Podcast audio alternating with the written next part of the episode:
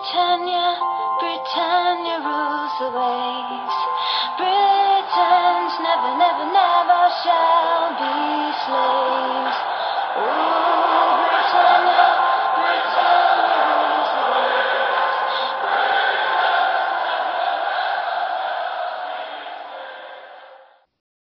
Hej och välkomna till Svenska FPL-podden avsnitt 198. Vi spelar in på självaste Lucia tisdagen den 13 december och även fast eh, VM pågår precis har avgjorts en semifinal, vi närmar oss finalspel. Eh, för egen del så tänker jag mer på att fantasy närmar sig och eh, har inte sett jättemycket VM och jag vill verkligen grotta ner mig i i FPL och vad passar bättre då än att göra ett rent statistikavsnitt där vi gräver oss djupare in i statistiken från ja, men den första, inte riktigt halvan av säsongen men vi har ändå 16 Gameweeks av statistik och det är väl 15 matcher som har spelats eller 14 för vissa eh, då vi hade en hel blank Gameweek här av de här första 16. Och eh, det känns tryggt att ha med dig Stefan. Du eh, brukar ha järnkoll på statistiken. Hur är läget med dig? Jo, men det är bra. Eh, jag har ju till skillnad från dig sett ganska mycket från, från VM, framförallt här i, i slutspelet. Så nej, men jag följer, följer väl framförallt Messis eh, sista VM och eh, hoppas att han får vinna, eh, lyfta bucklan där på, på söndag. Men eh, ja, det kommer nog bli svårt om det blir Frankrike i finalen. Ja, vi, vi, får se. Eh, vi vet i alla fall att Messi ska spela final och eh, Fredrik, vi ska se finalen tillsammans här i Stockholm. Mm, men det blir väldigt roligt på Clarion Sign på eh, ett roligt event som Tommy Åström och Jens Fjällström roddar ihop. Så ja, men VM-final på storbild, lite käk, någon bira eh, och nej, men vill man gaffla lite, lite FPL så, så ser man till att boka in sig där och söka upp oss. Vi, vi sa väl att vi skulle reppa podden med någonting, någonting schysst i, i merchväg. Ja, det är klart. Eh, det är klart man kommer dit i Svenska FPL-podden. Eh, eh, merch, det är i alla fall en, en pikétröja eller något sånt. Eh, ja, men det, det blir härligt. Eh, Fredrik, rycker i din FPL-tarm också? Ja men det gör lite det, framförallt nu när vi satt och skulle börja spela in här. Jag känner att man har hamnat i, jag har verkligen fått den här liksom viloperioden jag behövde. Så att eh, nu känner jag mig sjukt taggad. Man börjar också känna att VM går lite mot sitt slut. Man börjar se att de spelarna som, eh, som har åkt ut, de har fått sin veckas semester och börjar återansluta till, till sina klubblag. Och det är också en liten sån här, lite av ett, ja men, eh, vårtecken fast i, ehm, eh, i mitt i, i kalla december att nu, nu är det snart dags för, för FBL igen och äh, det känns riktigt skoj. Mm, England fick vinka ju i kvarten där trots en bra insats mot, mot Frankrike. Eh, så ja, det är många Premier League-spelare som är tillbaka. Det är även ja, men Brasilien åkte tidigt och så. Så att det är många lag som har fått tillbaka eh, viktiga spelare som är lite, lite bättre tid än, än vad man kanske hade förväntat sig.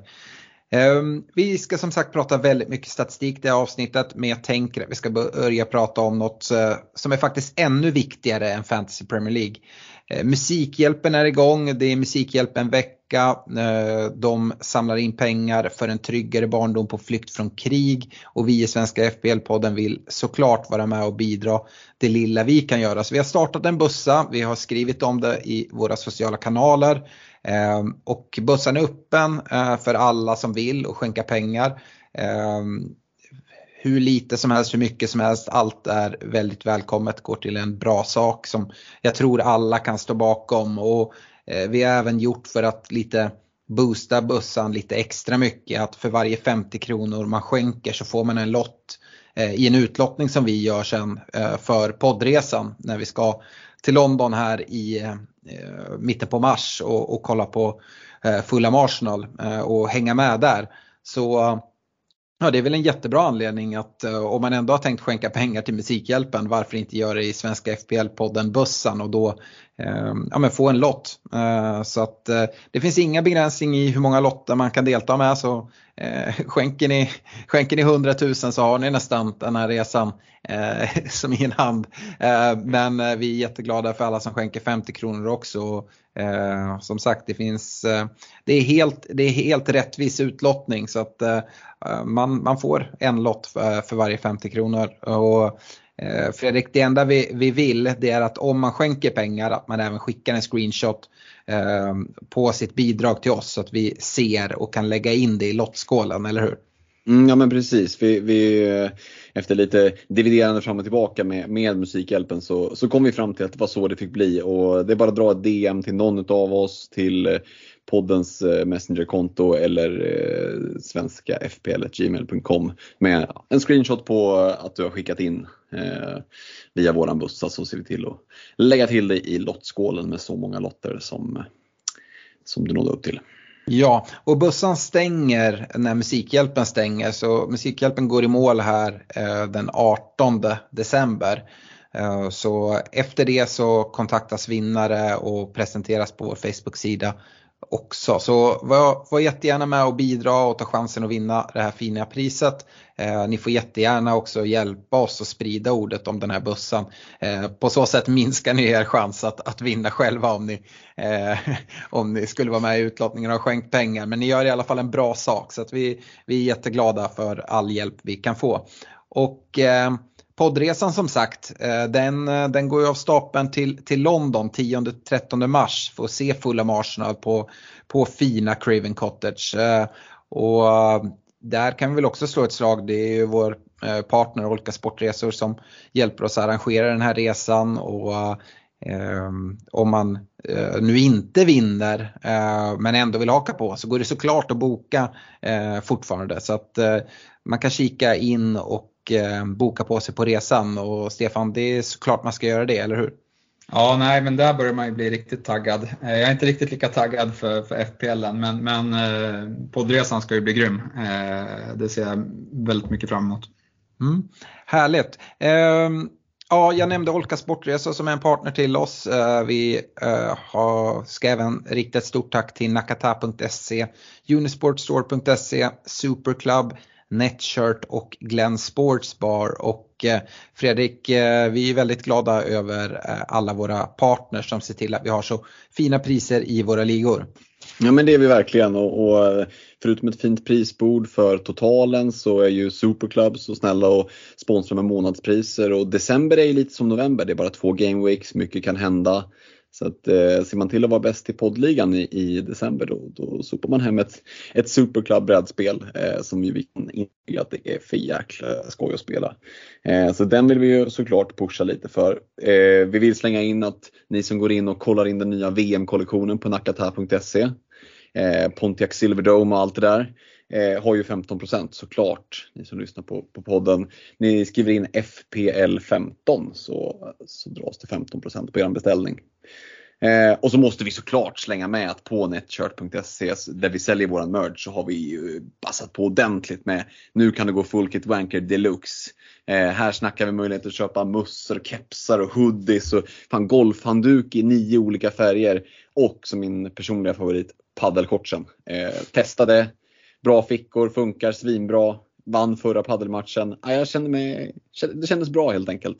Att, eh, Svenska FPL-podden eh, paddelshorts för 199 spänn. Det, det är årets julklapp. Snyggt där. Vi ska väl även säga det att eh, tillsammans med Glenn Sportsbar har vi ju Glennligan och eh, du nämnde månadspris i eh, vår poddliga som vi har, vinna ett superclub. Men eh, i Glennligan så har vi ju eh, resa till England som månadspris var, varje månad. Och just nu i december som sagt två gameweeks är det endast vi pratar om. Och eh, då får man åka till Craven Cottage eh, som vi drar på på, um, på poddresan. Så ja, stort lycka till till alla som är med i Glenn-ligan och eh, får se vem det är som plockar hem den här resan till, till Craven Cottage. Mm. Och där ska vi passa in också Alex, att Glenligan, eh, eh, den som är, har ett fotografiskt minne och kommer ihåg när vår gode vän Martin på, på Glenn där eh, la upp prisbordet så finns det ju ett halvtidspris i Glenligan att hämta hem och det är banne mig inte fy skam, eller hur? Nej, verkligen inte. 7500 kronor i presentkort hos Olka Sportresor och de nyttjar man ju helt fantastiskt genom att bara hänga med på, på poddresan tycker jag. Mm, precis, efter, efter Game Week 19 så är vi halvtid och, och ser vem som leder Glenligan då. Mm. Härligt, men Stefan, nu tycker jag vi gräver ner oss i statistiken och eh, det är väldigt bra att ha till grund här nu när vi får ta ut helt nya lag med kostnadsfria byten. Så eh, Vi börjar väl i försvarsleden va? Ja, nej, vi ska försöka sy ihop det här. Eh, man kan väl bara rent eh, först säga att det har varit ganska stor besvikelse på försvarssidan. Dels för att eh, vi har inte sett ja, men de här, eh, något lag rada upp eh, nollor som vi har sett kanske tidigare år. Där har vi om vi kollar på liksom, minst insläppta mål så har vi Arsenal och Newcastle på 11 eh, och City har släppt in hela 14 mål. Eh, här kollar man på förväntade insläppta så, så är City och Arsenal eh, de bästa försvaren med 11 och 12 i förväntade insläppta. Följt av Newcastle på, på 14,5, West Ham 15,5, Brighton, Tottenham runt 16 och United på 18. Eh, det är de bästa försvaren eh, enligt statistiken. Då. Men, men det, det, kanske ni håller med om att, att det har varit lite svårare och lägg, lägg där till att vi inte har liksom att de här ja, men riktiga poängplockarna har eh, hållit sig lite mer anonyma i, i Liverpools ytterbackar till exempel i år. Så har det varit svårare att hitta, hitta rätt på backsidan. Det som, det som ändå är intressant här tycker jag, det är ju att Arsenal har gjort ett rejält uppsving och är där uppe med City och fightas om ligans absolut bästa försvar. Och eh, ur ett FBL-perspektiv tycker jag det är väldigt intressant. I City så, ja men det är svårt att förbise en, en Cancelo men det är ju en, det är också en prislapp som följer med. I övrigt så är det ju svårt att liksom sätta Citys eh, försvar och det kostar också en hel del. Då kan man komma in i Arsenals försvar som är betydligt billigare och också mycket lättare att sätta hur det kommer se ut varje vecka. Eh, och egentligen komma in i ett lika bra försvar eh, som Citys. I alla fall den här eh, första delen av säsongen som vi har sett. Så eh, ja, Arsenal-försvar kan man kanske börja kika lite mot. Hiring for your small business? If you're not looking for professionals on LinkedIn, you're looking in the wrong place. That's like looking for your car keys in a fish tank. LinkedIn helps you hire professionals you can't find anywhere else, even those who aren't actively searching for a new job but might be open to the perfect role. In a given month, over 70% of LinkedIn users don't even visit other leading job sites. So start looking in the right place. With LinkedIn, you can hire professionals like a professional. Post your free job on linkedin.com slash people today. Ja, nej, så är det ju absolut. Och sen jag tycker det är lite extra eh, intressant där med Cancelo som vi har sett. Eh, ja, men han, han har gjort det bra i, i Fantasy Premier League. Jag har sett en del VM. Han eh, var ju direkt svag i VM och blev till och med bänkad för, för Portugal. kanske spelat lite för mycket för City. det ska ändå bli intressant med, liksom, han kommer med en del förväntningar som du säger med, mm. med den prislappen och briljerar inte i statistiken här som vi kommer se alldeles strax. Nej. Eh, ska vi hoppa in i, i statistiken? Ja, absolut. Eh, jag tänkte så vi kör, vi kollar lite på förväntad målinblandning, eh, om det är några som sticker ut på, som kanske har spelat lite mindre eh, och ändå gjort det bra och sen lite värdemässigt. Och på backsidan kollar vi även lite efter bonus, ja men eventuella bonusspelare som, som sticker ut också. Men vi börjar med förväntade målinblandningar och listan toppas tydligt av, av Trippier. Och han är väl ganska överens om alla tre att han eh, ja, men, är given i våra lag här när, när återstarten kommer igång. 4,9 förväntade målinblandningar på de här 15 första eh, omgångarna. Eh, toppar även värdeligan överlägset. Eh, så att, eh, nej, han är det väl inte så mycket mer att säga någonting om, eller hur? Nej, jag, jag skulle bli chockad chockad av lag som väljer bort Trippier. Det är alldeles för bra värde på en sån spelare. Jag gillar ju dessutom Newcastles defensiv, speciellt när de spelar hemmaplan. Eh, jag pratade om det i tidigare avsnitt och det finns ingen anledning att revidera det. Nej, och jag ser till och med att Trippier är den här på listan utav de 15 eh, ja, men farligaste offensiva backarna som har bäst eh, bonusinsamling också. Eh, mm. Så att eh, han, han tickar väldigt många boxar. Ja. Eh, bakom Trippier då, de fem som sticker ut lite mer eh, är, är då Trent och Perisic på, på 3,6, 3,4. Bakom de två så kommer Robertson på 2,9, Castan på 2,7 och Gabriel i Arsenal på 2,5 eh, förväntade målinblandningar. Och det är inte det är ju, ja men framförallt för, för Liverpool ytterbackarna där så, så är vi ju vana att se dem uppe vid, vid Trippier-nivån i alla fall, om inte ännu högre. Mm. Eh, och eh, ja, jag tycker väl samtidigt om man någonting som man slår sig över är väl Perisic eh, där som, ja, men, han är ju bra när han spelar men problemet är att han inte spelar hela tiden. Det, det är hans stora problem. Om vi tar, det blir inte helt rättvisande, men om vi lägger ihop Perisic och Sessignons stats ja men då hamnar vi faktiskt på en spelare som, som trumfar Trippier. Eh, mm. Men problemet är ju att eh, de roterar en hel del eh, på den vänsterpositionen och nu har väl Perisic spelat några matcher som, som, eh, som forward, eller ytterforward också för, för Tottenham om jag inte eh, minns helt fel eh, när, ja, när de hade lite skadeproblem där framåt. Mm. Så kommer det vara och eh, Kroatien är fortfarande kvar, kommer komma tillbaka sent. Spurs är ju ett lag annars som har double game week skulle kunna vara intressant men när det blir sådär tight mellan matcherna att Perisic ska få dubbla starter Mm, ja, ja, ja, jag vet inte. Um, men det har vi väl alltid sagt, om vi får en given Spurs ytterback som vi kan räkna med spelar vecka efter vecka så är det ju väldigt intressant. Uh, så man, man, går nästan och hoppas på att någon ska skadas. spelar inte så stor roll om det är Perisic eller om det är Sessignon eller så. Utan att en av dem som man vet vem det är. För att eh, Contes spel är, är ju väldigt liksom, fördelaktigt för ytterbackarna. Ja, nej så är det ju eh, absolut. Och sen, ja, men det var de sex första. Jag tänkte nämna alla som kommer ner till 15 plats här på, på listan utav de mest eh, målfarliga enligt statistiken. Då, då, då hittar vi Aaron Cresswell i, i eh, West Ham. Eh, noterar även att han Ja, men dels att, att West Ham har ett ganska bra försvar statistiskt sett men även att Cresswell är bra på att samla in bonuspoäng. Så det skulle kunna vara en spelare, han kostar bara 4,8 nu, eh, att kika mot om, om spelschemat eh, ser fint ut för, för West Ham där. Eh, sen var det nämnas Sessignon som kommer på åttonde plats. Eh, Cancelo är först på nionde plats på listan med 2,1 eh, förväntade målinblandningar. Eh, och, och, det är inte, ja men det, det, är lägre än vad jag hade förväntat mig att han skulle vara på i alla fall. Eh, Perrault i, eh, ja men det är väl Southampton, eh, mm. han spelar. ben White på 2,1 också. Eh, Nico Williams 1,9. Eh, Pascal Ströjk, Reece James 1,9 eh, och Walker Peters. Och här tycker jag väl att det är Reece James som vi går och väntar på att han ska mm. bli hel från sin skada som, som sticker ut. annars så, ja men Ben White kan ju vara eh, intressant. Han verkar vara tillbaka. Jag såg att han var tillbaka och, och spelar från start idag faktiskt med Arsenal mot, eh, mot Milan. Spelar 45 minuter. Eh, så han, han verkar vara tillbaka i träning här i, god tid innan, innan matcherna börjar. Mm. Eh, ben White avvek ju från, från EM. Visst kom det information att det var något problem med någon eh, ledare i landslagsledningen och därför han skickades hem va? Ja, det går rykten om det i alla fall. Det var, jag har inte läst på så jättemycket om det men det var någon bust-up där.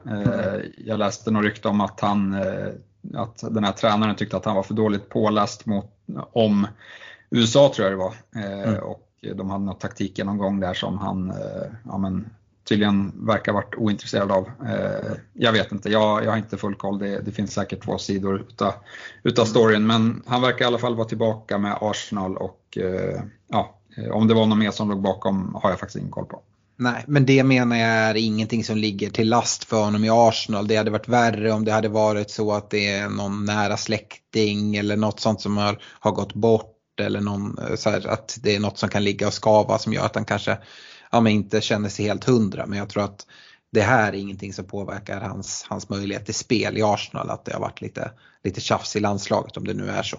Nej, och Tomiyasu är ju, skadar ju sig här i VM så att mm. eh, det finns, han finns ju inte heller att tillgå på högerbacksplatsen och det är ganska långt eh, steg ner till, till en Cedric Suarez där i, i rangordningen i Arsenals backlinje.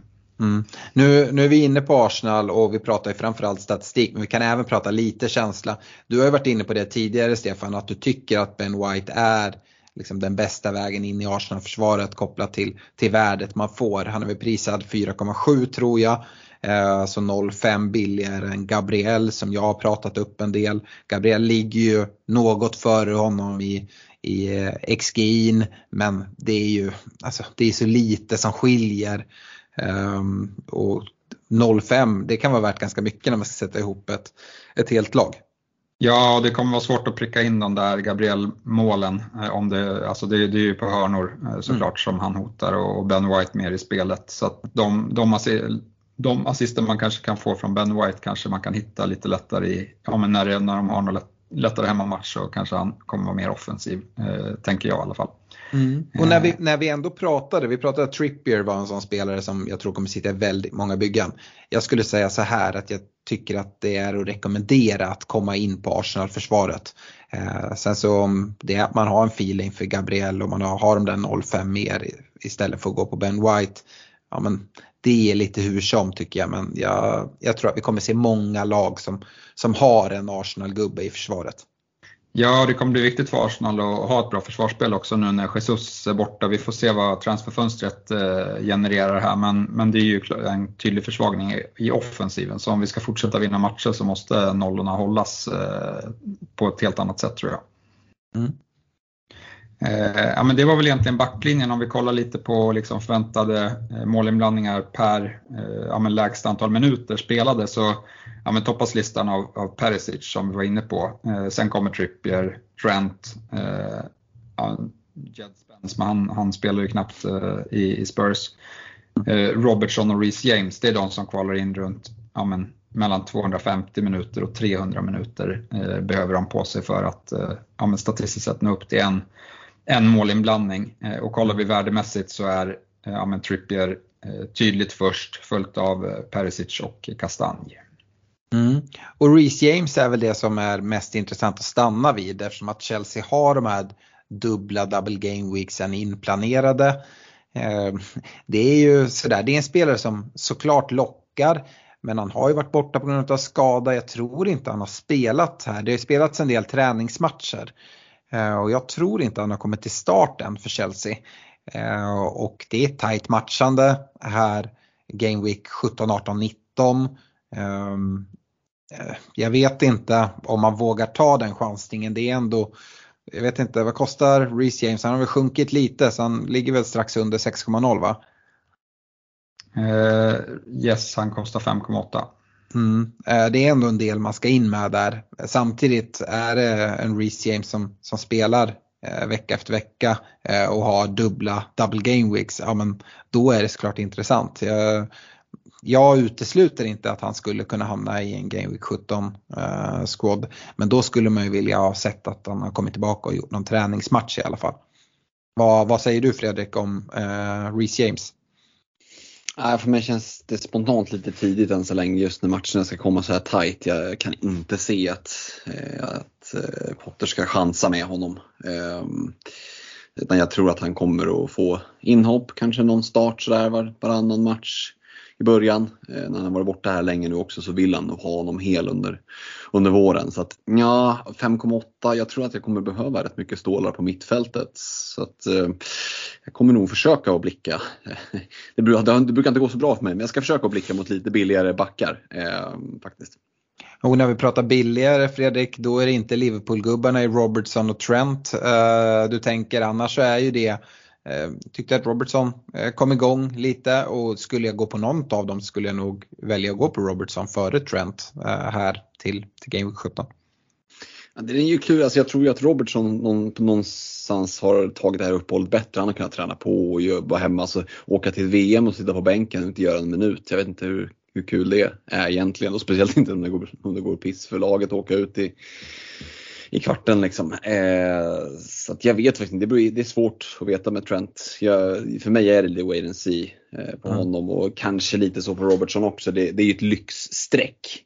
Mm. Eh, för att prata travspråk, alltså Robertson 6,8 då, då har man ju liksom inte råd att plocka in Trippier och Cancelo också. Då måste man ju välja bort någonting annat. Eh, mm. alltså det, det, kan vara en chansning men, men eh, nej, jag, tycker mig att både the eye-test och även den statistiken som Stefan bollar upp här gör att eh, det, det går att blicka mot lite billigare försvarare. Mm. Stefan, eh, en spelare som ändå många har kikat mot i fantasymässigt här till Game Week 17, mycket på grund av spelschema, är ju en eh, Diego Dalot från, från United. Han har inte nämnts här, har du någon koll på vart han, vart han kan ligga? Ja, jag kikade upp han här. Han ligger på 17 plats, 1,7 eh, förväntade målinblandningar.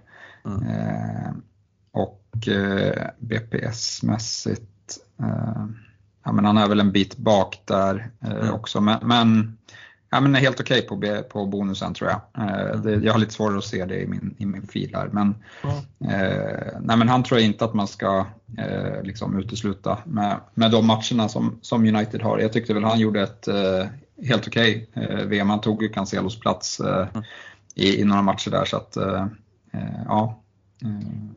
Det, det medskick man kan göra, vi, vi kommer ju spela in ett avsnitt i nästa vecka där vi presenterar våra tankar och uttagningar. Där låg jag absolut med i mina tankar.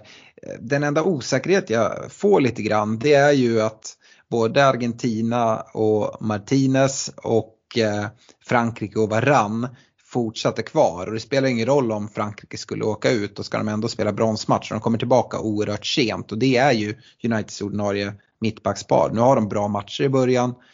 Men eh, ja, vi får väl se. Jag vet inte om de kommer få något ledigt efter, eh, efter VM-finalen och så här, de som har gått hela vägen eller om de kommer tillbaka. Kommer de liksom starta från, från dag ett? Kan det påverka Uniteds möjlighet till nollor? Det är något som man kanske får väga in ändå. Jag vet inte hur, hur ni resonerar kring det här. Nej, jag såg väl att eh, de eh, flesta från United fick väl en veckas semester eh, som åkte ut här i, i kvartsfinalen eller om det var åttondelsfinalerna. Mm. Eh, Arsenal körde ju, de gav ju också ledigt men alla tackade nej till, till ledighet så där, de som åkte ut där anslöt direkt eh, till, till träningsläget där i Dubai. Det är väl lite solsemester eh, i, mm. i, Dubai också. men men ja, jag tror att jag tror att det, det, blir väldigt tajt för de som ska spela eh, här nu till, till helgen också. Det blir bara en vecka eh, tills matchen kickar igång. Mm. Yes. Uh, är det någon försvarare som du vill prata extra om Fredrik?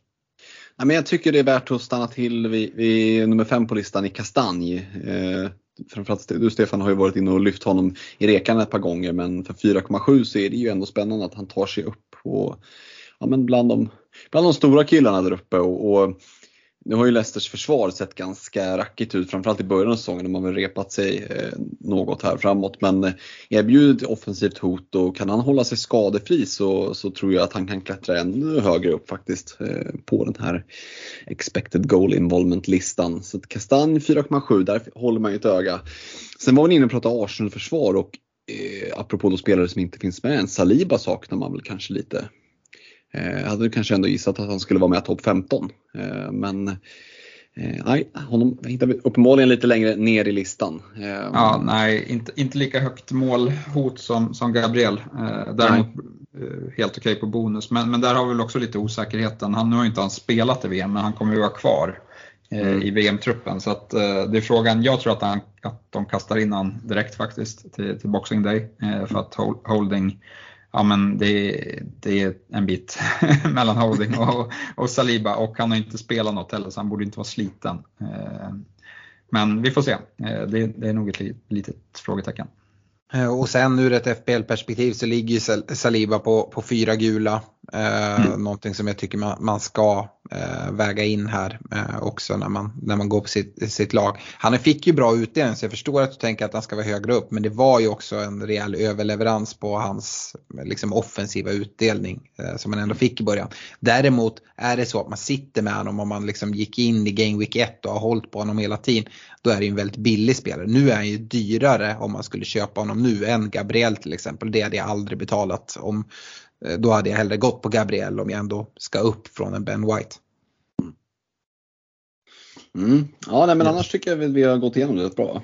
Ja, mm. nej, man kan väl nämna lite, vi pratade ju Trent och Robbo där eh, och eh, Trent låg ju högre upp på förväntade målinblandningar men Robbo har ju mer assist. Han har fyra, nu, nu vet jag inte om det är assist, men fyra målinblandningar medan Trent har två. Så det är, det är en liten eh, statistisk eh, fel liksom, eh, ja, men, som inte har fallit ut enligt vad statistiken gör och där har fall, i den eh, skaran faller även Cresswell in som inte har en enda eh, Eh, assist här faktiskt. Så att eh, han har inte heller eh, fått utdelning för, för det han har presterat.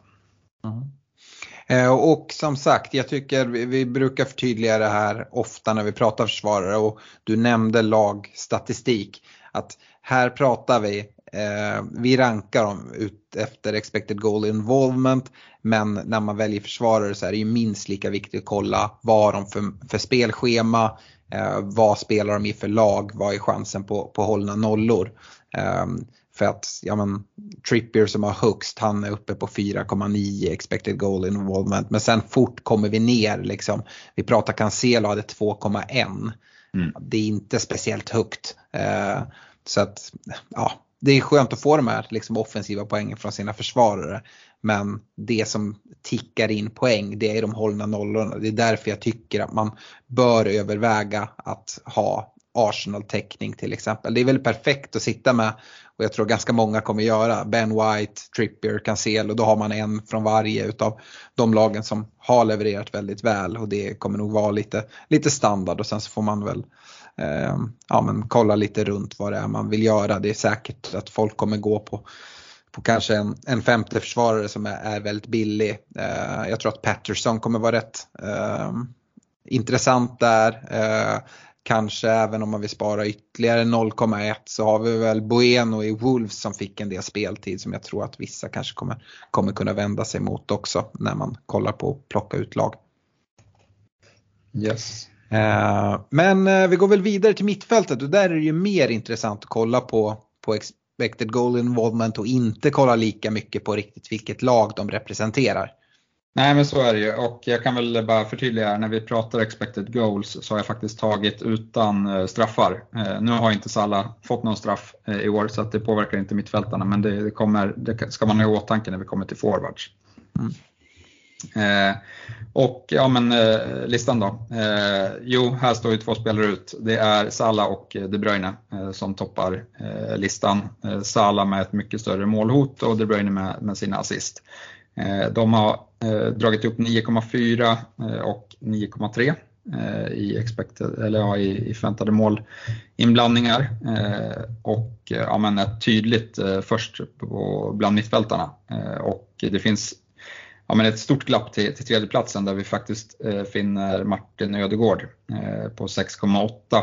Eh, och han ser het ut även nu på, på försäsongen. Han har gjort mål två matcher i rad för Arsenal mot Lyon och Milan. Eh, drog in en frispark idag eh, och ja, men, jag var inne på det lite innan ja, men VM började att ja, men Ödegård han matchar nästan Martinelli och, Osaka Saka där på, på mittfältet och är billigast. Eh, så det, det, och jag tror faktiskt att det kommer fortsätta ticka på eh, offensiva utdelningar på honom för att de sprider det väldigt bra i Arsenal där eh, på, eh, i offensiven. Eh, det, det, finns, det är väldigt svårt att säga vem som, som plockar, plockar poängen, eh, är väl min uppfattning.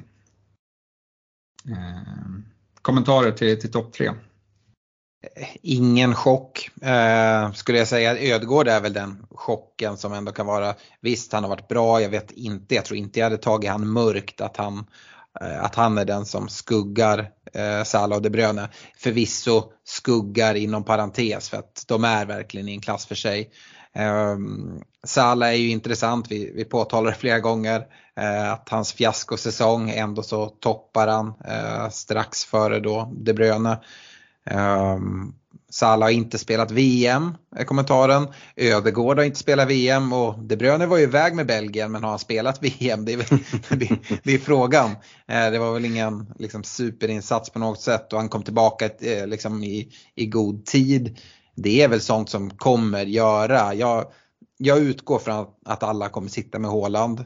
Eh, sen så kommer det vara så att folk, eh, vissa försöker trycka in både Salah och De Bruyne och andra kommer stå och göra ett val. Ehm, jag, jag lutar ju Salah Sala för egen del. Samtidigt så har Liverpool inga eh, planerade double game weeks. Det har City. Eh, De Bruyne borde vara utvilad och kunna göra det bra. Men jag tycker ju att ja, med Phil Foden till exempel är en, en fullgod ersättare till De Bruyne. Fullgod, ja alltså han kostar ju inte lika mycket så man kan heller inte ha exakt samma förväntningar. Men jag, jag, har, jag har enklare att gå där eh, utan, utan det brönet tror jag. Eh, även om jag inte helt har bestämt mig. Eh, men Mohamed Salah, sen gillar jag dessutom att sprida det och kunna ja, men ha, ha Salah från ett annat lag, alltså en annan premium från ett annat lag än City och, och Haaland när man ska sätta kaptensbindlar. Å andra sidan om man går på De Bruyne Ehm, så kan det ju vara så att man sätter binden där eh, i någon match istället för Haaland och då gäller det ju att ha fingertoppskänslan. Men det skulle också likväl kunna vara så att Håland, Haaland, vi får eh, sen information om att Haaland missar en match. Då är det väldigt skönt att ha De Bruyne för man känner sig mer trygg att sätta en kaptensbindel på De Bruyne än Foden. Ehm, skulle jag säga. Så det är väl liksom uppsidan med att, att dubbla upp Haaland, De Bruyne. Ehm, Ja, det är väl min kommentar. Sen kopplat till Ödegård och du nämnde Martinelli och, och Saka också. Det är väl eh, den stora frågan som går kring Arsenal att hur kommer deras offensiv påverkas här när Jesus nu försvinner iväg. Eh, jag gissar att det är Enketia som ska spela där fram eh, och det kommer ju definitivt påverka Arsenal negativt. Jag tycker ju att Jesus har varit en oerhört viktig spelare för Arsenals offensiv. Ehm, så ja, det är det jag egentligen har att säga om, om topp tre. Ja, jag, ja, sorry. Ja, vad säger du Fredrik? Mm, jag tycker du fyller det bra där och, och bara för att koppla på det du nämnde sist här med, med eh, Arsenals offensiv så, så jag vet inte om du Stefan har hört någonting om det ryktas om några, några strikers på väg in, något som är trovärdigt eller, eller blir det en Kettia som själv ska bära det där? Det känns väldigt tunt va? Det är väl lite som eh, för United, det är väl halva världen som ryktas och även för Liverpool. Eh, så det är väldigt svårt att veta vad som, vad som Eh, ja, men är hett eller inte. Han, eh, Mudryk i, i Shakhtar tror jag är eh, ett väldigt tydligt spår. Men Shakhtar ska ju ha en miljard, vilket blir svårt. han, ska, han ska heller inte gå in och spela på den positionen. Nej, men då har vi, liksom, då har vi även Martinelli som ett alternativ längst fram, skulle jag säga.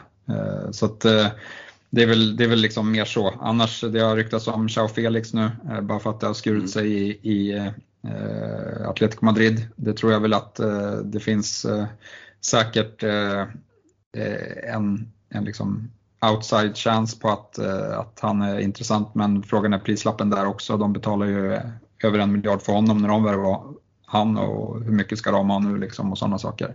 Jag tror budgeten någonstans för Arsenal ligger på 500-600 miljoner, eh, är väl det jag har sett. Mm. Och alltså det, som är, det man ska komma ihåg att vi har inget öppet transferfönster eller. Uh, så att jag, jag, tycker man ska ta, liksom när man sätter ihop sitt Game Week 17-lag, då, då tycker jag då kan man strunta i alla rykten uh, kring vilka spelare som ska komma in. Det får man ta, ta hand om när, när transferfönstret väl öppnar, uh, för det är ändå en bit bort. Ja, nej, men för mig förvånar det faktiskt att Ödegård, nu avslutade han innan VM riktigt starkt, eh, mm. men det förvånar mig att han, att han kvalar in så här bra i liksom, eh, den konkurrensen som vi har och han, han toppar världligan före Almiron till exempel. Eh, och om det är någon som ens är i närheten av eh, bonusinsamlingen från De Bruyne så är det Ödegård. Eh, De Bruyne tar 5, ja, men lite mindre än 6 minuter på sig att samla in en bonuspinne, Ödegård lite mindre än 7. Eh, så att, eh, och det är liksom klart bäst. Eh, Foden är trea på med, med åtta minuter, men, men sen hittar man ingen på ja, men in, ja, Bruno 8,3. Men, men ja, nej, jag, jag, är förvånad att han är så högt upp och jag ser även att han, att han faktiskt har lika mycket poäng som Martinelli nu och mm. en poäng med en Saka. Mm. Yes, eh, 6,8 låg Ödegård på. Eh, det kommer eh, 6, vad blir det, 5 pers bakom Ödegård som är Trossard 6,1, Almiron 5,9, Saka, Martinelli och Foden på 5,8 samtliga. Det är de som följer närmast men det är relativt tajt hela vägen ner och jag kan väl dra hela listan på en gång. Vi finner Rashford, där Pascal Gross Son kommer först på elfte plats. Madison på tolfte. Eh, och där såg jag faktiskt lite statistik kring Madison att han eh, har ju fått en del utdelning men det har varit eh, ganska mycket ja, med skott utanför boxen och, och eh, sådana låg, eh, låg XG-mål han har, han har pillat in. Eh, så. Sen har vi mer Gibbs White, Rodrigo och eh, Bruno Fernandes på 15 plats. Men take it away, jag tycker väl Eh, du har ju varit inne lite på Arsenal-uppdubbling där Alex. Jag vet inte om du fortfarande är det med tanke på det du pratade om Jesus. Eh, annars så är det väl, ja men Foden, han har ändå spelat 915 minuter. Det är inte så mycket mindre än, än eh, det är 200-300 minuter mindre än de som toppar listorna här. Men, men ja, det, han är ju svår att hitta rätt på. Det har vi ju varit inne på många gånger. Ja, eh, nej, för att börja svara på din fråga kring Arsenal dubbling i offensiven eh, tycker jag det har gått helt, eh, har blivit helt ointressant. Dels kopplat till att eh, Jesus försvann och sen när vi fick de här double game weeks grejerna så är det så många mittfältare man vill trycka in. Eh, och eh, det, är väl, det är väl det som gör att Eh, Eh, Saka kommer falla ifrån. Martinelli tror jag, jag precis som väldigt många andra har haft Martinelli under en lång tid. Man har ett uppbyggt värde. Du är inne på och pratar om att man kan peta upp honom eh, på en forwardsposition när Jesus är borta. Eh, kanske framförallt om det är kopplat till, till någon framtida värvning. Men ja, jag, jag, jag, har mycket lättare att släppa en Saka för 8,0 där jag i så fall då kan plocka in en annan 8,0 mittfältare i ja, men, som har double game weeks i. Det kan vara Foden, det kan vara en Mason Mount, han nämns inte här men Chelsea har dubbla dubblar. Um, Kulusevski till exempel. Kulusevski ser vi såklart inte här på grund av att han inte har gjort, gjort tillräckligt mycket minuter. Men um, det är ju en, uh, en spelare som har gjort det väldigt bra. Uh, jag skulle gissa att vi ändå hittar han på någon form av topplista om vi kollar på, per minut. Ja, nej, han är med. Eh, 171 minuter eh, och då kan vi väl nämna att eh, De Bruyne och Sala ligger runt 120-130 eh, minuter per målinblandning. Eh, mm. Så att, eh, och Kulusevski ligger bland spelare som, han har lite bakom Foden och Ödegård men i liksom samma harang som Rodrigo, Trossard, Son, bättre än Son faktiskt. Mm. Så att eh, bättre än Saka också. Mm. Eh, nej men så det gör att det känns ganska ointressant att dubbla upp i, i Arsenal offensiv. Um, ehm, så att jag, jag, skulle tro att jag bara går in i, i det med, med Martinelli då det kommer vara trångt om mittfältsplatserna. Sen får man väl se om man går på ett fyr eller femmanna mittfält. Uh, jag, tycker, jag tycker att det är svårt det där uh, och det kommer vi prata mycket om i, i nästa veckas podd. Um, men Martinelli kommer nog vara kvar. Sen finns det ju intressanta spelare i det här eh, lägre prissegmentet som Martinelli är i. Eh, jag tycker Rashford är intressant eh, som, som nämns i den, här, i den här listan. Almiron nämns ju också i den här listan. Där är det ju jättesvårt att veta. Har han liksom lyckats konservera den här sinnessjuka formen? Jag vet ju att Newcastle är ett riktigt bra lag nu.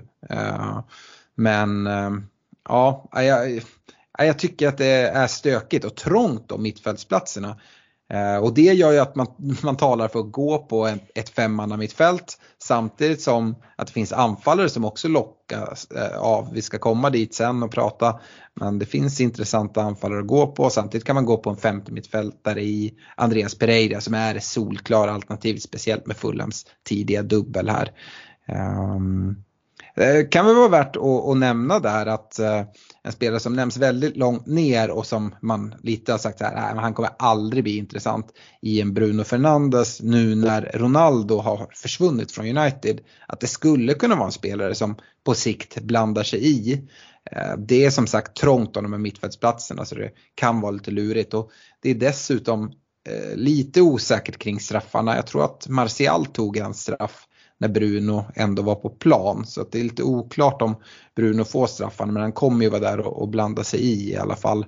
Det står väl mellan han och, och Martial eh, skulle jag tro. Eh, så ja, eh, det är väl det jag har att säga. Jag, jag gillar ju en Phil Foden eh, och lutar väl åt att jag kommer gå på Sala Foden snarare än, än De Bruyne, skippa Sala. Eh, ehm, det är, det är mina tankar. Hur, hur tänker du Fredrik? Mm, ja, nej, men det är 10 000 kronors frågan, sallad och eh, avvägningen och där får man verkligen bolla fram och tillbaka i, i olika drafts.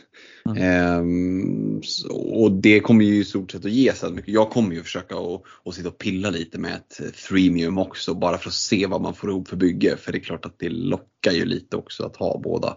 Ehm, jag tror inte jag kommer få ihop det men jag ska åtminstone sitta och pilla lite med det. Ehm, men kikar jag över på listan så en spelare som jag saknar det är ju Wilfried Zaha. Ehm, som jag kanske hade förväntat mig att få in topp 15 i alla fall. Ehm, men eh, han lyser med sin frånvaro där. Eh, jag menar, har vi spelare som Gibbs White och ja, den typen av kaliber, då, då känns det som att Zaha borde kunna ha varit med. Son på elfte plats, det tycker man ju är ett skämt egentligen. Det är ju fruktansvärt dåligt. Jag är faktiskt förvånad över att han är så pass högt upp ändå, som elva. Eh, jag, hade, jag hade förväntat mig inte se honom på listan överhuvudtaget. Eh, så det är också någon form av eh, notering. Eh, och i övrigt så det som slår den är att det finns så många budgetalternativ. Du har ja, men Almiron 5,8, du har ju Gross på 5,6 och det, är Ödegård på 6,4. Det är mycket midprice och lower midprice mittfältare. Så att, ja, det här mittfältsuttagningen känns ju som den roligaste och den svåraste inför Game 17. Jag skulle även vilja skjuta in en spelare som varken du eller jag Fredrik nämner men som Stefan nämnde i förbifarten. Det är ju Rodrigo i Leeds. Eh, mm. Också en billig spelare, eh, 6,3. Eh, han har ju spelat färre minuter än de som ligger före honom här. Jag ska säga så när han får den här forwardsplatsen före en, en, en Bamford med alla sina skador. Då är ju han väldigt intressant. Eh, skulle jag vilja säga. Får se lite och följa den.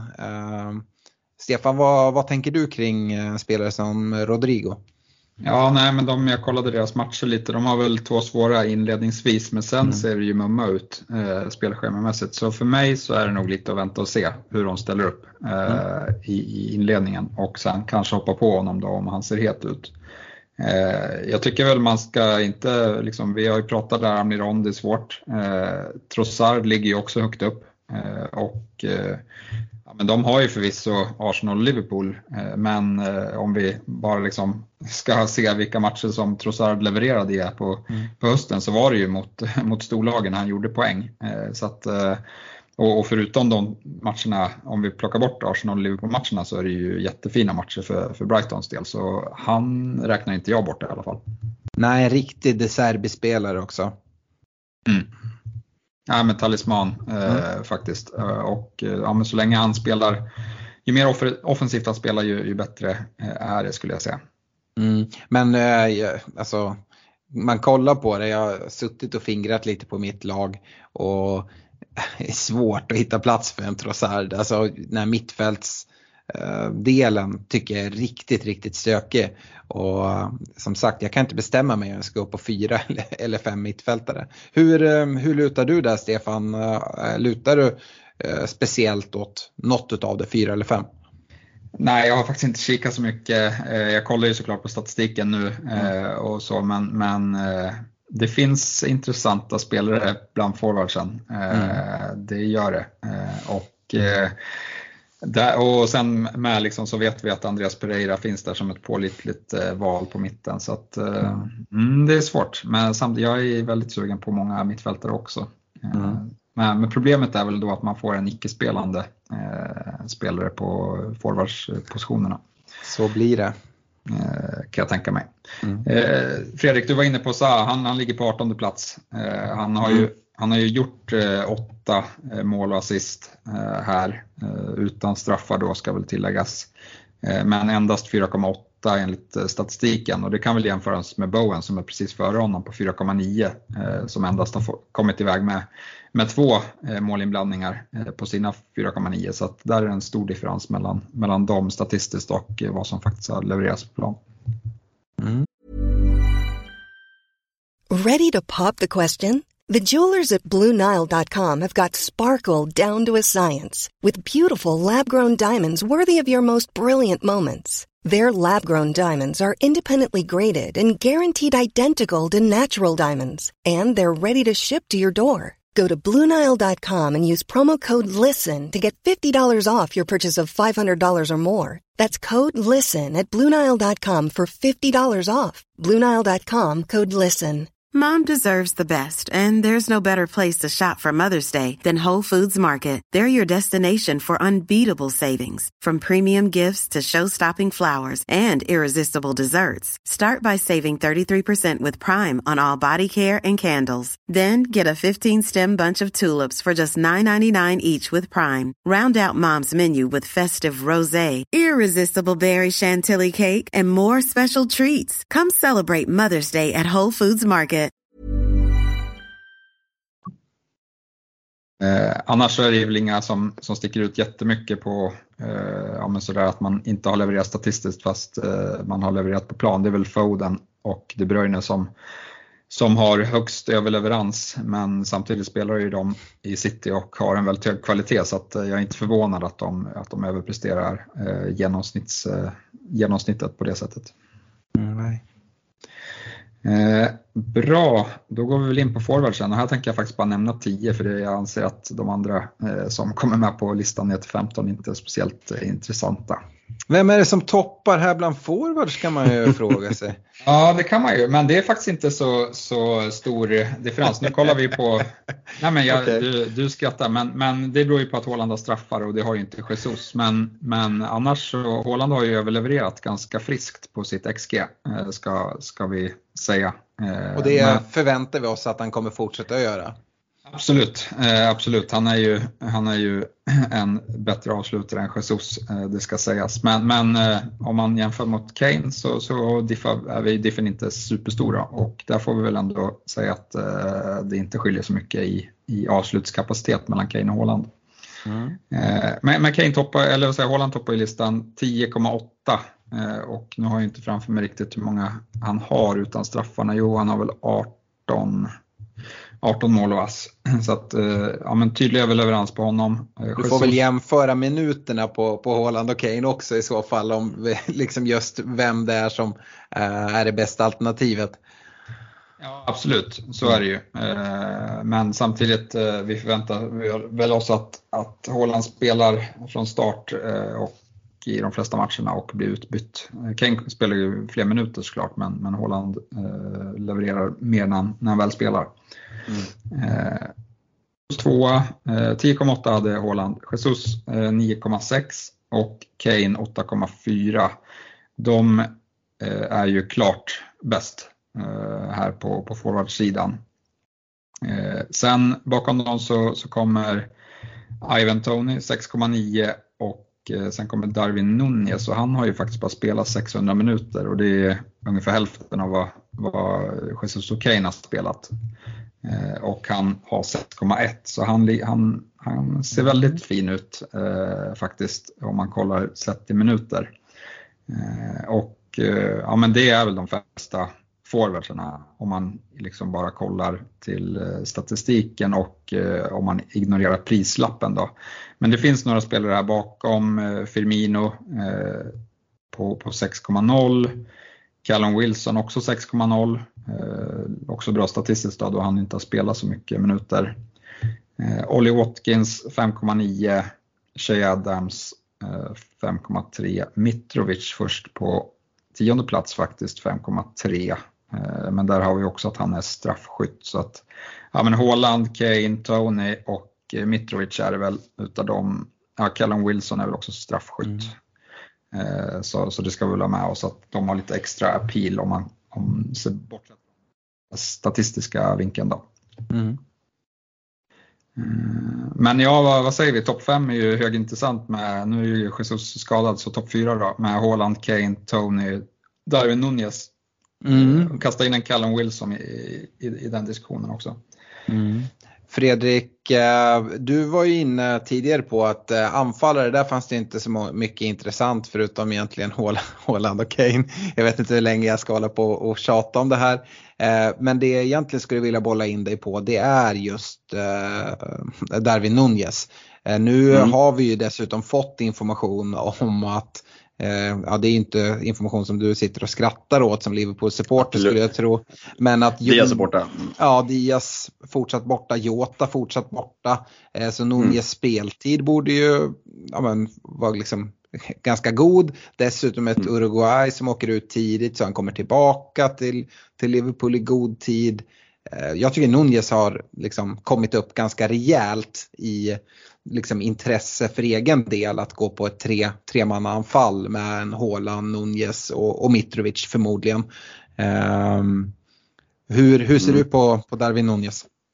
Eh, som enskild spelare isolerad, absolut. Jag kommer ju vara tokgiven i Liverpool nu med både Diaz och Jota borta. Diaz slog ju upp skadan riktigt illa, blev borta ett par tre månader. Jota kanske tillbaka i februari. Eh, sådär och får vi se. Han ska väl liksom komma tillbaka och dra någon baksida som man brukar göra när man varit borta. Mm. så jag tänker att Nunez absolut isolerat. Problemet blir ju om man, som jag tror att många som kommer att resonera, vill ha Salah vill man lägga så mycket pengar på ett Liverpool som har sett sjukt rackigt ut, både Salah och Nunez? Kanske, men eh, jag skulle säga att det är väl det som talar mest emot honom. För bara som enskild spelare så, så eh, statsen finns här. Eh, han ser liksom så här ja, men, eh, avig och rå ut men kommer ju liksom bara kunna buffla in ett par baljer. Så att, det kommer vara verkligen en knäckspelare att få till det men, men som enskild spelare intressant. Eh, sen är det liksom, alltså Haaland är no-go, Jesus är skadad. Kane kommer jag inte att få in för att jag kommer att värdera eh, De Bruyne och, eh, och Salah nästan före tror jag. Jag, inte, Ja, jag, jag, kommer, jag, kommer, jag kommer ha svårt att få in Kane. Tony har ju tre ganska rackiga matcher inledningsvis, 17, 18, 19 här. Eh, känns ju iskall. Sen kommer det lite bra matcher men initialt inte av intresse för min del. Och då måste vi neråt i listan. Eh, absolut att Mitrovic känns intressant. Ehm, För mig, för mig är Mitrovic given. För det är mitt kaptensval i, i dubben. Mm, jo, och det, han kommer ju ha en sjukt hög TSB och speciellt när det är priset. Eh, men jag, jag kan se framför mig ett tvåmananfall med, med Haaland och Mitrovic. Eh, och på så sätt liksom verkligen eh, se till att det finns lots of cash till, till mittet.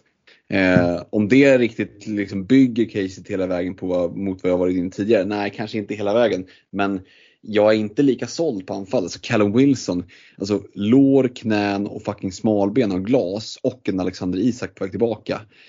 Ja, Callum Wilson i bästa slaget är en talisman men det är bara en tidsfråga innan killen går sönder. Och vad är det sen då liksom? Firmino, ah, Watkins, mm, ah. Ah, jag vet inte, jag är inte övertygad av, av eh, den här bredden på anfallarna som ni ser men eh, det, det ligger väl i betraktarens öga kanske. Ja, jag, jag tänker mer så här att absolut Callum Wilson, han, det är ju en spelare som, som är, eh, är skadad eh, en hel del. Eh, men det får man ju ta hand om då. Det har han ju bevisat gång på gång. När han inte skadar sig så kommer han ju leverera. Isak tillbaka, absolut. Det är helt ointressant så länge Wilson är het.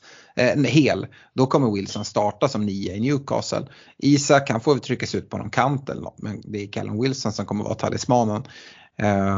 Så att jag tycker Callum Wilson är intressant.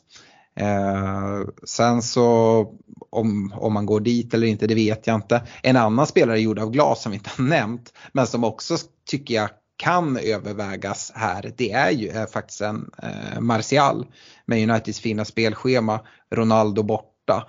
Eh, han är tillbaka eh, och, och spelar i, i Uniteds träningsmatcher.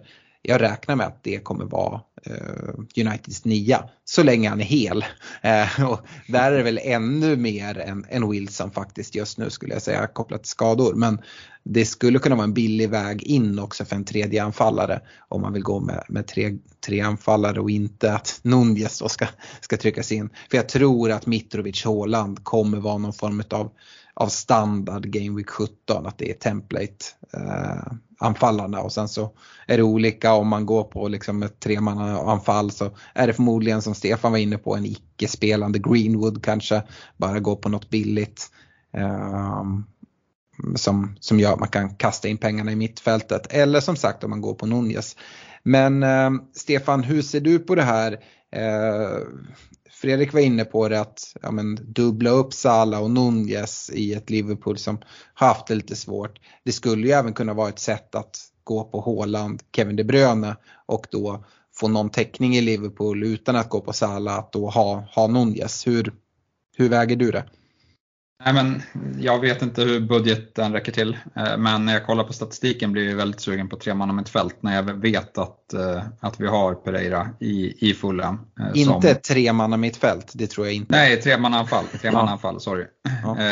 Men, men sen är det liksom så här, jag vet inte hur man ska se på Nunez statistik. Dels så är det ju inte lika många minuter som han har levererat där på, men han hade ju även några matcher där han spelade mer centralt och eh, det har de ju ändrat om lite så att det är Salah som är mer centralt, i alla fall det jag såg på slutet. Eh, så frågan är liksom om den där statistiken kommer vara lika bra när han har spelat eh, de här lika många minuter som de andra.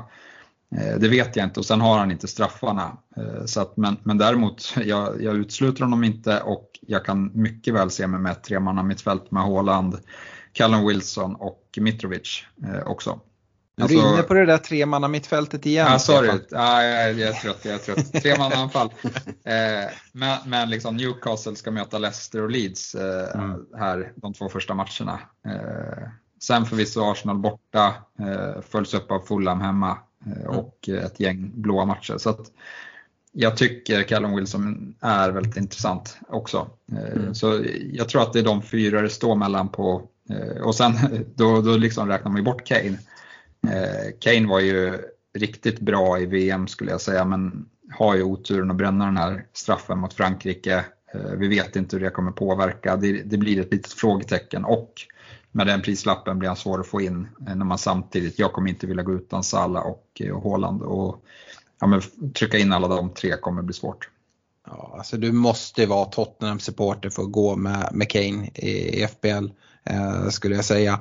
Alltså han har ja han har ju gjort det strålande bra men det är också eh, vi, vi jämförde det kopplat på antal spelade minuter på Haaland och Kane. Eh, kolla även Kanes minuter i, i landslaget under VM. Det kommer komma en dipp från Kane. Han kommer inte hålla ihop. Antingen kommer skadan, någon ankelskada såklart. Eh, eller så, så kommer liksom det blir, bara blir sämre. Jag kan inte se att Kane kommer liksom bara fortsätta nöta på och spela 90 minuter vecka efter vecka och bara leverera de här eh, siffrorna som han har gjort nu de första 16 gameweeksen. Nej, det har ju varit tajt matchande i VM, det har varit varmt. Alltså man har sett vissa matcher, det, det var väl någon arena de inte ens hade luftkonditionering på. Eh, liksom när de som journalisterna står liksom och bara, det bara dryper om dem. Liksom. Så att det är klart att det är jobbigt att spela fotboll där. Mm. Eh, det, det, är väl inget snack om den saken. Sen, sen nu är det här obekräftat, ni kanske har lite mer eh, info. Richarlison har jag hört ska vara skadad. Eh, jag vet inte mm. om ni har hört någonting där. Mm. Och, det tiltar, ja, och det tiltar ju en del också till Kulusevski på mittfältet. Så det, mm. det är också en aspekt att det kanske gör att man, att man vill gå med fem mittfältare. Ja, nej, eh, så är det. Eh, vad, Stefan, vad säger du om Martial som jag bollar upp från ingenstans? Ja, men han står faktiskt med på listan här på, om man kollar sett i minuter. Eh, 149 minuter för en målinblandning och det är ju såklart inte lika bra som Haaland och, och Nunez men det är bättre än Kane till exempel. Eh, så att, eh, ja nej, han är, han är väl absolut ett shout. Kanske lite kortsiktigt då, men, men Uniteds eh, inledande tre matcher är väl de man framförallt är ute efter. Sen kan man ju skicka honom till, till någon annan. Och det var väl det jag pratade om i förra avsnittet. Jag tycker att man kan vara ganska kortsiktig i sitt Game Week 17-lag. Att kolla Game Week 17, 18, 19 framförallt och så såklart även blicka lite mot, mot dubblarna. Men 17, 18, 19 kommer ganska snabbt på varann. Sen har vi ett uppehåll, vi har dessutom ett januarifönster, det kommer börja värvas och då kommer det kommer kanske dras en del wildcards redan. Eh, för att beroende på vad som händer på transferfönstret, för det kommer ju hända saker det här transferfönstret i januari tror jag. Um, som kan kasta om en hel del. Vi får se om Arsenal ska göra en ersättare för Jesus. Uh, United ska göra någonting kopplat uh, till till Ronaldo. Liverpool behöver ju på något sätt attackera för att liksom säkerställa Champions League-spel nästa, nästa år. Och, um, ja, det känns som ett uh, transferfönster då, då det kommer hända grejer. Uh, så um, ja, jag, jag tycker att Martial kan blanda sig i, i, i och för sig kanske kortsiktigt både sett till, till spelschema och till, till hans skadehistorik. Men ehm, ja, eh, kan, vara, kan ändå vara en spelare som är värd att, att, att, att bolla upp där. Um, annars då? Tony är väl den som inte alls lockar mig trots att han ligger högt upp här. Nej, för att han var inne på det. Jag har helt samma inställning. Jag, jag avvaktar och ser. Han har väl också den här betting-grejen som vi inte riktigt vet vad, vad som händer med. Jävla stjärna alltså. Men, men, Tony är ju någon som man kanske skulle kunna gå till. Om man då går för mm. Martial till exempel för de tre första så, så får ju faktiskt eh, blir bytet till Tony väldigt attraktivt i Game Week 20 där. Mm. Då får man liksom dubbla matcher mot Bournemouth och ja, men, Leeds och Forest och Southampton. Ja, det, det, om man kombinerar de två så blir det väldigt fina matcher. Mm. Är det någon av er som inte kommer starta Game Week 17 med Haaland och Mitrovic? Nej, de kommer vara i laget. Ja, så är det De är ju givna. Mm. Ja, jag, jag, tror verkligen vi kommer ha en jättestark template där. Eh, och att den finns av en anledning så jag tror inte att man ska försöka böja sig ut och in bara för att liksom eh, försöka vara smartare än alla andra människor. Just kopplat till det. Nej, det är väl, det är väl, Mitrovic har väl fyra gula. Det är väl någonting som stökar till det lite. Eh, mm. om liksom man kollar på, visst det, det Pallas, men Pallas borta är inte någon jättelätt match. Eh, och sen säga att han drar på sig ett gult kort där, då missar mm. han. Eller ännu värre att han drar kort mot, mot Southampton eller mot Leicester då. För mm. då kan han ju också bli avstängd tror jag mot Chelsea. Mm. Eh, och det är lite tråkigt att kappa honom om man, om man går in och så in, inte ens spelar andra matchen. Ja, det kommer vara lurigt om man fortfarande står på fyra gula inför dubben. Um, men jag tror Håland har Chelsea den gameweeken va? När, ja, ja, exakt borta. Ja, Håland City har. Um, jag tänker på, på kaptensbindeln där. Um, det, det behöver ju inte vara fel heller. Alltså, det, Alltså sätta binden på, på Håland oavsett motstånd. Uh, men jag, jag, jag gillar att, att, sätta binden på, på en dubbelspelare och sen bli jättebesviken.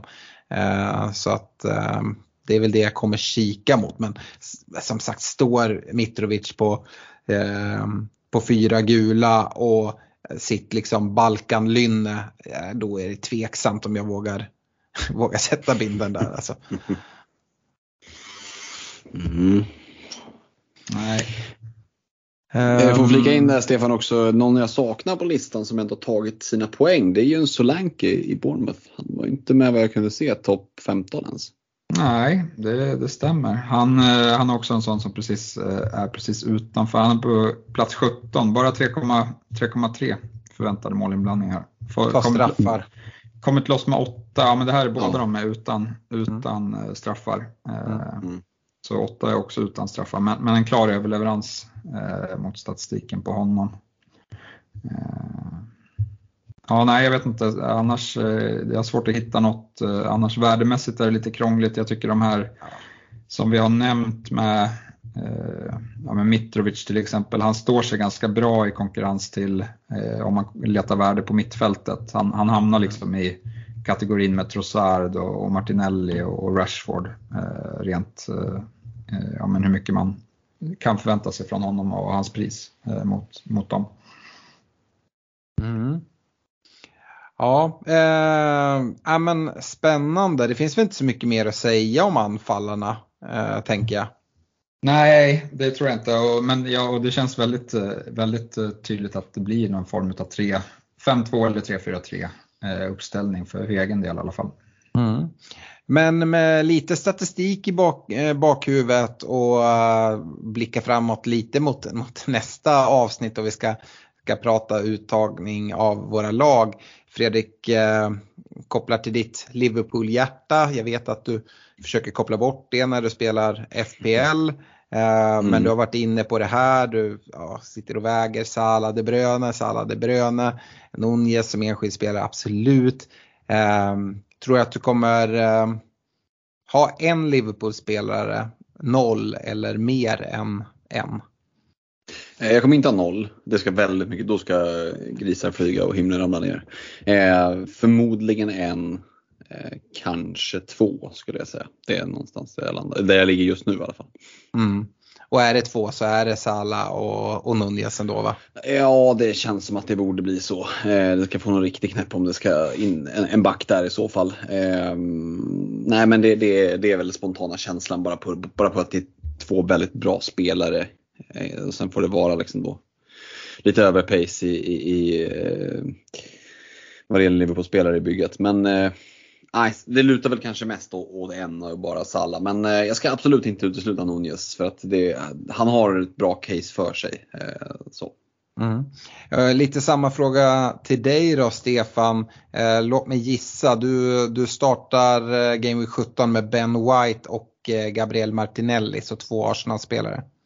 Ja, jag tror att jag ska försöka ändå fylla på med Arsenal och, och City-spelare eh, här med, med tanke på att de har dubblar och, och så. Mm. Eh, men ja, två, två Arsenal-spelare eh, lutar det nog åt. Mm. Och du då Alex, hur många United-spelare blir det i, i ditt bygge? Um, jag tror uh, jag tror jag kommer ha Rashford. Uh, och sen, det skulle kunna vara en försvarare med. Uh, det skulle möjligtvis inte kunna vara en försvarare med. Martial skulle kunna leta sig in. Allt är väldigt öppet inför Game 17. Jag vill inte stänga några dörrar riktigt. Eh, därför slingrar jag mig lite. Mm. Men jag, jag hörde att du slingrade rätt mycket också där eh, Fredrik. Och det, det, det är väl ganska sunt att hålla alla dörrar öppna för att det beror jättemycket på vad man väljer för struktur på sitt lag. Och jag vill inte låsa in mig på att gå på fem mittfältare eller eh, exakt hur det kommer se ut. Eh, vi har också fortfarande en del träningsmatcher som ska spelas. Det kan vara så att Eh, det lät som att ni inte var lika intresserade av mig som en Reece James men skulle han kunna få starten hade jag varit sugen att ändå gå dit tidigt. Ehm, och eh, ja, men då, då blir, lägger jag lite mer pengar i försvaret och behöver hitta pengar någon annanstans. Ja, så det beror på så extremt många faktorer och mycket på upplägg av, av bygge. Ehm, det, egentligen så är det det här eh, fem mittfältare kanske det som lockar mig mest. Eh, samtidigt som då jag gillar att ha Pereira som en femte mittfältare och kunna spela i, i deras dubbel till exempel. Du nämner ju det med träningsmatcher, vi ska ju säga det också att eh, innan, eh, innan jul där så drar ju ligacupen igång också. Ja. Eh, både för United och Liverpool City möter varandra och Brighton ska väl in mot mot Charlton. Och det, är, mm. det, det, är värt att hålla lite extra koll på där i, i mitten av nästa vecka. Att, eh, då är det ju faktiskt tävlingsmatcher också så då kommer det ju ge en ganska bra hint om, om, eh, om lite vad det är för form på spelarna och vilka som kommer att spela. Mm, absolut. Eh, det ska bli väldigt spännande att spela in igen nästa vecka. Vi har väl preliminärt sagt att vi ska spela in den 22 december. Eh, ett avsnitt där vi presenterar tankar kring våra egna byggen.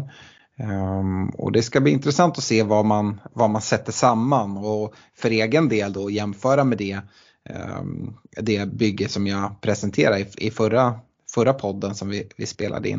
Uh, avslutningsvis skulle jag verkligen, verkligen vilja slå ett slag igen för vår, eh, vår bussa i Musikhjälpen.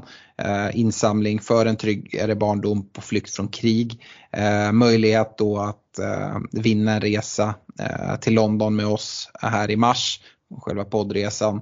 Eh, så eh, gå gärna in där och skänk pengar. Länk till bussen finns i våra sociala medier. Jag skulle också vilja slå ett starkt slag för att eh, om ni inte redan har gjort det, gå med och stötta oss via Patreon. Patreon.com svenska FPL.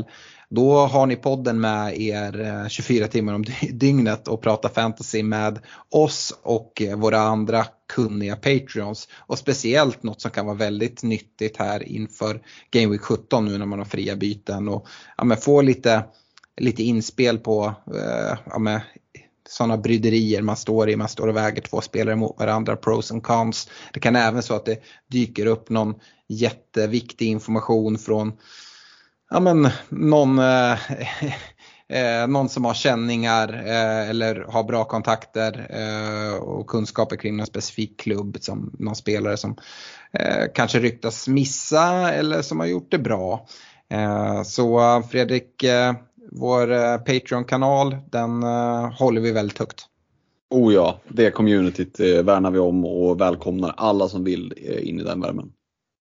Eh, men med det tycker jag vi tar och syr ihop det här statistikavsnittet. Eh, stort tack Stefan för dina siffror och som vanligt lägger vi väl ut lite bilder på eh, de här tabellerna och statistiken som vi har pratat runt i våra sociala medier. Så se till att följa oss.